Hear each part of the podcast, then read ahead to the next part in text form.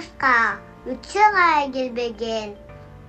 Бакыт жок душманда сүйүүгө бакыт жок табашы каса менен.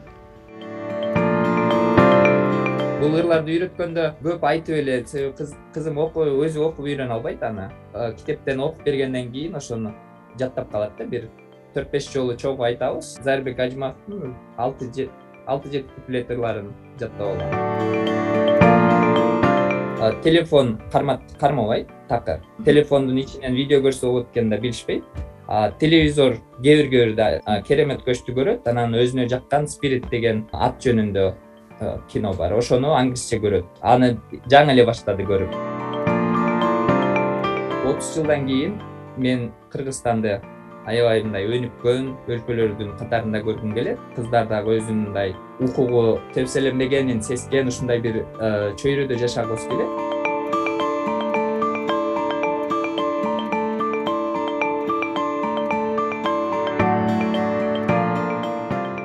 Саламатсызбы мен лиза кененбаева. Назарыңызда азыркы кыргызстандык подкастынын кезектеги чыгарылышы бул жолку биздин каарманыбыз тактап айтканда каармандарыбыз акшнын гавайи аралында жашаган төрт жаштагы журтташыбыз бермет жана анын атасы бакыт абдишов чет жакта отурукташкан журтташтардын арасында балдарга кыргыз тилин үйрөтүү маселеси азыркы кезде чоң көйгөйгө айланып келет. Бермет америкада төрөлүп чоңоюп жатканына карабастан кыргыз тилинде так сүйлөп атүгүл алп акындардын ырларын дагы жатка билет экен. Үнү кыска үтсө гая келбеген. Бакыт жок душманда сүйүүгө бакыт жок табашы каса менен. Бакыт жок душманда жүргө бакыт жок ушактарды тактоорго ага курап жаккан кезде абам жаңы балыктарын баштады зайырбек ажыматовдун убакыт жок деген ырын бермет бизге скайп аркылуу айтып берди. Мен гавайда жашайм самолет аралга барат. Сиз самолет менен учуп ал учактарга барып мияка келишет мыякта океан бар океанга түшөтсүңбү бассейндагы бассейнге да түшөсүң мен сүзгөндү билбейм бермет ата менен эретем ата тилине сен эмне кыласың? Кечки айтып берчи эртең менен турасың анан эмне кыласың? Эртең менен туруп витамин жеп каша жеп анан кийин мен эшикке чыгып алып ойнойм. Бермет сенин иниң бар э? Иним алма жеп атат ойноп атат. Ал аты ким анын? Адам. Адам адам канча жашта эки жашта мен төрт жаштамын азыр сенин сүйүктүү китебиң кайсы? Эжеге көрсөтүп койчу алипе азыр биз ата менен сүйлөшүп алалы э бермет досторуң менен ойноп келесиңби алма жеп ойноп келем бакыт мырза азыр э, чет жакта төрөлгөн кыргыз балдарынын эне тилин билбей калышы чоң көйгөйгө айланып жатат. Э, мен тааныштарым менен сүйлөшсөм дагы. Алар биз кыргыз тилде үйдөн сүйлөсөк дагы болбой. Балдар ютубтан ар кандай мультфильмдерди көрүп башка улуттагы балдар менен ойноп э, тилдери бурулуп жатканын айтышат. Анан силер ушул маселени кантип чечтиңер? Негизинен менин оюмча ар бир ата эне өзү чечет кайсы тилде сүйлөтөт кандай болот. Анан кийин биз ошол жолду тандаганбыз. Ошол өздөрү нукура кыргыз эне тилинде сүйлөшүп анан кийин калган тилдерге ачык каалаган тилди үйрөнө берсе болот. Ошо каалоо болгондон кийин анан ошого жараша аракет кылып атабыз да. Башка ата энелерди тааныткым келбейт каалоо болсо баягы баардык адам бай болгусу келет бирок баары бай эмес дегендей эгерде каалоо болсо менин оюмча ишке ашырса болот. Бул аябай чоң жумуш деп айтам. Ошо биринчи төрөлгөн күндөн баштап биз өзүбүз жанагындай пландарды түзүп алып жаш бала уктап жаткан эч нерсени билбеген балага биз план түзүп жазып ошонун үстүндө иштеп баштаганбыз да. Кыргыз тилин үйрөтүүдө өзгөчө америкада туруп үйрөтүү бул аябай башкалардан да эки эсе кыйын десем болот. Себеби эшикке чыксаң англисче үйгө кирсең ошо үйгө киргенде гана кыргызча да булардын ошо комфорт зону кыргыз үйгө киргенде кыргызстан булар үчүн. Ошондой атмосфера түзгөнгө аракет кылдык. Ал өзүбүз биринчиден кыргызча эле сүйлөйбүз үйдө андан кийин көбүнчө мультик коюп берчү эмеспиз бирок бермет эки жаштан өткөндөн кийин жумасына бир жолу керемет көчтү көрөт ошол сагынып керемет көч көрчү азыр баардык серияларын көрүп бүттү десем болот. А англисче эч нерсе көрчү эмес. Себеби биз үчүн тилинин ошол апа ата деп биринчи чыкканы кыргызча болушу маанилүү болчу да. Айтышат ошо көп башка улуттарда деле мектепке барганда кетип калат алып коет деп. Бирок ата эне керек ар дайым бала үчүн ошол үчүн эгерде ата эне керек болсо ата эненин тилинде сүйлөйт. Эгер ошо ата энеси кыргызча сүйлөп атса. Ал жөн эле сүйлөгөндөн башка дагы мондай кызыктуу нерселерди буларга тааныштырып туруш керек. Ошол кыргызстан жөнүндө барып көргөн эмес бирок кыргызстан жөнүндө өздөрүнүн ою бар. Ушундай бир э, жакшы мамлекет жакшы эл жакшы нерселерди эстейт да кыргызстан жөнүндө. Азыр бермет достору менен ойнойм деп чуркап кетпедиби ал достору менен кайсы тилде сүйлөшөт достору менен англисче сүйлөшөт. Азыр англисчени да үйрөнүп баштады. Бирок кызым азыр эле котормочудай англисче анан айтып коет. Мен азыр ага мен ланч кылып алайын деп айтып келдим деп которуп мага айтып келет да. Азыр өзүнүн мындай бир тили бар экенин өзү кыргыз экенин азыр төрт жашында түшүнөт. Мультфильм көрсөтпөйбүз телефон бербейбиз деп көп эле ата эне аракет кылат аябайчы. Бирок э, баягы жумушка алаксып же болбосо колу бошобой калганда баланы алакты кылуу үчүн телефонду бере коюп атышпайбы а силер ошол маселени кантип чечтиңер? Же силер силер деле иштейсиңер мен билгенден? Ошол көйгөйдү адам убакыт жок деп туруп бүт нерседен калабыз да көбүрөөк кадам таштап көбүрөөк иш кылганга көптөр чыдашпайт. Ошол аракет кылабыз. Эми аябай баарынан жүз пайыз эмедебейбиз бирок телефон кармабайт такыр. Телефондун ичинен видео көрсө болот экенин да билишпейт. Телевизор кээ бир кээ бирде өзүм айтып өткөндөй биз тандаган программаны керемет көчтү көрөт. Анан өзүнө жаккан спирит деген ат жөнүндө кино бар. Ошону англисче көрөт. Аны жаңы эле баштады көрүп. Буга чейин бир эле керемет көч. Телевизор компьютер дегенди керемет көч деле билет да. Өзүбүз ошо көзүнчө ошондой көрбөгөнгө аракет кылабыз. Телефонду алардын көзүнчө чукулап отурбайбыз. Себеби атасы отуруп алып телефон чукулап сүйүнүп мындай күлүп жакшы нерсе экенин көрсө булар дагы ошону э, аракет кылат да. Телефондон билет. Биз көбүнчө китеп окуганыбызды. Ошол силер мисалы ошо баланы алаксытуу үчүн эмне кыласыңар анда бала деген жаратылыш табияттан ошондой да бала ойнош керек эшикке чыгып. Болгону ошондой түзүп бериш керек экен да ошондой чөйрө. Азыр биздики эшиктин бул жерден чыкса эле эшикте чоң коро да ошол жерге чыгып ойношот. Бош болсо эле чуркап ойношот. Анан булардын соц тармагы деп коебуз отуруп эле китеп окуп бош болсо эле китебин ойношот да. Ошол китеп бул кечкери баягы окуу эмес булар окуганды деле жакшы үйрөнө элек сүрөтүн көрөт ар кандай китептерди биз алып келип берип турабыз бат бат. Ушу жумасына он беш он беш китепти алып келебиз. Ошону окушуп кайра кайра окушуп мондай кылып эскертип өздөрү өздөрү беш алты класс окуп чыккандай кылып эскертип коюшат. Себеби ошол э, эртеден кечкери булар ойношот да китептерин адам аркасынан эле берметтин ал берметтен көп нерсени үйрөнөт андан кийин өзүнчө дагы ага көңүл бурабыз ошо. Азыр себеби бермет китептерди окуп баштаган болсо адам тамгаларды окуш керек. Анан жанагы кыргызстандан келген карточкалар бар. Ошолорду бирден көрсөтүп атайын көңүл бурабыз. Ал сүйүнүп өзүнө кабыл алат да. Себеби ага э, көңүл буруп атканыбыз үчүнчү. Бир күндө канча саат убакыт бөлөсүңөр? Күнүн жыйырма төрт сааттын сегиз саатын иштейбиз. Сегиз саатын уктасак калган сегиз сааты балдар менен болобуз да. Анан иштеп атканда деле биз башка бирөө няня деген бизде жок. Өзүбүз карайбыз да. Ошол үчүн иштеп наушникти салып чуркап жүрүп эле булар менен байланыш кыла беребиз да. Бермет э, зайырбек ажыматов сыяктуу чоң акындардын ырларын ушинтип жатка айтып калыптыр. Анан башка ырларды да айтканын соц тармактан көрүп турабыз. Анан ошону кантип үйрөттүңүз? Бермет өзү эртең менен туруп маанайы жакшы кезде өзү тандайт бүгүнкү расписаниясын.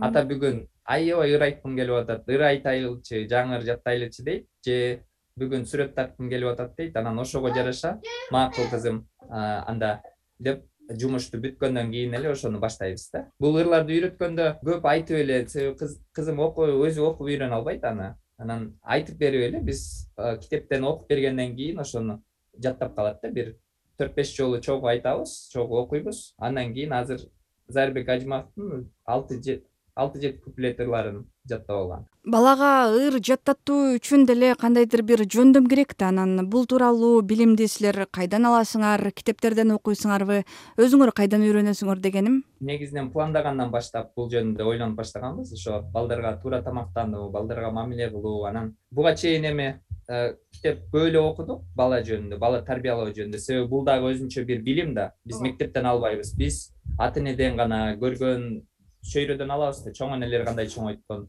анан бирок өзүбүз ошол жаңы жолду тандап алганбыз. Аны биз баарын китептерден окудук десем болот бирок дагы деле окуп атабыз. Мисалы бала өскөн сайын баягы айтидегидей эле биз дагы өсүшүбүз керек да ошо азыр берметтин беш жашына даяр болушубуз керек. Буга чейин американецтер айтып коет terrible two horrible three деп ошентип өсүп кете берет. Биринен бири жашы он бир он экиге чейин тинейджер болгондо деле ар жаш чоңойгон сайын көйгөйлөр чоңоюп алардын керектүүлөрү чоңое берет. Андан ата эне менин оюмча бир эки кадам алдыда болуш керек ошол эксперттердин айтканын окуп. Бизге эме жакта акыркы китепти айдан экөөбүз чогуу окудук. Гүнештин эмне деген эле аты? Балдарга ошо мамиле жөнүндө түрк жазуучунун китеби бар. Аябай мындай алгылыктуу нерселери көп да. Ага чейин англисче көбүнчө англис эксперттердин ошо педиатришндердин китептерин окучубуз. Чогуу окуйбуз чтобы экөөбүз бир түшүнгөндөй болупчу балдардын негизинен ошол э, көп э, билим менин оюмча бала тарбиялоодо сөзсүз ата эне билим алыш керек экен деп ойлойм. Көбүнчө жаш ата энелерге ошону сунуштамакмын себеби биздин өзүбүздүн билген нерсебиз бул аздык кылат экен да. Баягы баланын тилинде да сүйлөшө билүү бала эмнени каалайт эмне үчүн ыйлайт эмне үчүн мисалы көңүл бурдургусу келет ошол баардыгы сүйүүгө бөлөп чоңойтуш үчүн жардам берет экен китептерчи. Бакыт мырза жакында эле кыргызстан эгемендигинин отуз жылдыгын белгиледи.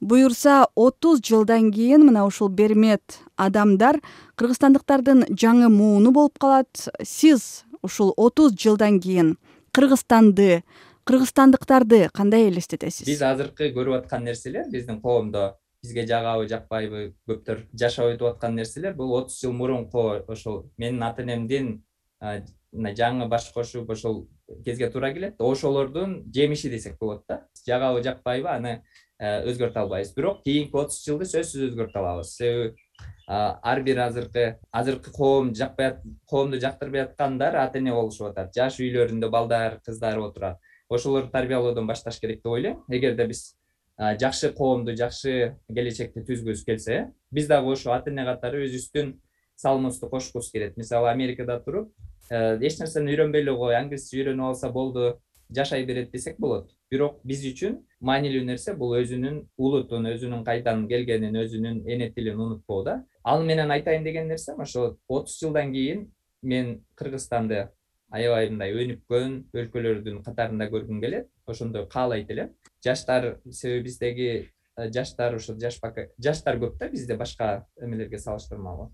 Ошолордун баары билимдүү болуп билимдүү э, маданияттуу анан баягы адам укуктары корголгон кыздар дагы өзүнүн мындай укугу тепселенбегенин сескен ушундай бир э, чөйрөдө жашагыбыз келет. Анан берметтин азыр кыргызстан жөнүндө билгени ошол баардык жакшы нерселер да. Ошол кызымдын азыркы элесиндеги башындагы сүрөт кыргызстанга барганда ошол туура келгенин каалайт элем да. Кыргызстан жөнүндө десең эле сүйүнүп мындай жакшы нерсени себеби ошону уккан ошону көргөн да. Ошол менен өзүнө сиңирепчи. Ошон ошондой нерсени кыргызстандан көргөндү каалайт элем. Айта кетчү нерсе бакыт абдишов отуз төрт жашта жубайы айдана өмүрбаева экөө тең айти тармагында эмгектенишет төрт ай мурда эле жубайлар кыргызстандыктарды айтиге акысыз окутуу үчүн келечек деген долбоорду башташкан. Ал долбоордун алкагында ушул тапта эки миңдей адам кыргыз тилинде билим алып жатат. Ар кандай статустагы көбүнчө ошо айыл жергелерине көңүл бургубуз келген. Андан кийин ата энелер ошол жакта көп апакелер көп үйүндө балдары менен окуп аткан видеолорун киргизишет. Ошо апакелерге көңүл бурганбыз. Максатыбыз ошол төлөгөнгө өзү курска барганга акчасы жок бирок окугусу келген анан ошону биздин жанагы тесттерди тапшырып ошону мындай көрсөткөн каалоонун көрсөткөн адамдар болгон. Анан ошолорду жакшы эле тандаппыз деп ойлодук биз эми демөөрчүбүз айдан экөөбүз өзүбүз. Дагы демөөрчүлөр бар бизди колдогон америкадагы айтып кетишим керек ошо айти жаатында иштеген бизди колдогон үй бүлөлөр бар. Ошолор бизге жардам берип көмөк көрсөтүшүп атат. Андан сырткары ментор. Ошо өздөрүнүн бир саат жумасына же айына убактысын бөлүп ошолор менен сүйлөшүп берип проектти ошол долбоорду жылдыз академиясы ошолордун жааматы ошолор ишке ашырып атат да. Алар окутат алар ушул студенттер менен иштешет. А биз демөөрчү андан кийин ментор катары америкадагы досторубуз ошол аларга эмелерди өтүп беришет вебинарларды ошентип менторство болуп. Бакыт мырза айдана экөөңөр тең э, мына ушундай кыргызстанга билим жаатында өз салымыңарды кошуп жатасыңар. Ушул тапта сизди мекениңизде эмне сүйүндүрөт жана эмне өкүндүрөт? Айтпайын десең деле терс нерселер көп да бизде. Ошо адам укуктарына болгон мамиле биздеги элдердин дүйнө таанымы андан сырткары билимге көңүл бурбагандыктары ошолор бизди ойлонтот себеби ал нерселер бизди чоң кризистерге андан ары дагы алып барышы мүмкүн да. Негизинен мындай кризистерден чыгыш үчүн сөзсүз билим жолун тандаш керек. Сапаттуу билим ошол баардык жаштарыбыз азыркы билим алышса менин оюмча заманбап билимдерди алышса сапаттуу кыргызстаныбыз оңолот деп ойлойм. Маданият ошо баардык эле нерсе өсүш үчүн билим алыш керек да ошо жан дүйнөнүн жакырчылыгынан биринчи чыгыш керек. Андан кийин калган жакырчылыктардан чыга алабыз деп ойлойм да. Азыр бизде жолдо болуп аткан кырсыктар ошолордун баарын бул жерде күнөөлүүдү издебей алдын алуу деген нерсе барбы алдын алса болот да ошо мамлекет болобу эл болобу ошонун баары бири бирине чогуу иштеш керек деп ойлойм да. А жакшы нерселер эми кыргызстандын эң жакшы нерсеси бул биздин тоолорубуз мөңгөлөрүбүз ошо карагайларыбыз токойлорубуз да. Ошолордун баарын жакшы бирок ошону сактап калсак андан да жакшы. Себеби кыргызстанга эч нерсе жетпейт бирок биз кыргызстанды андан да жакшы кылсак болот адамдарчы чоң рахмат бакыт сизге дагы рахмат. Аябай жакшы маек болду деп ойлойм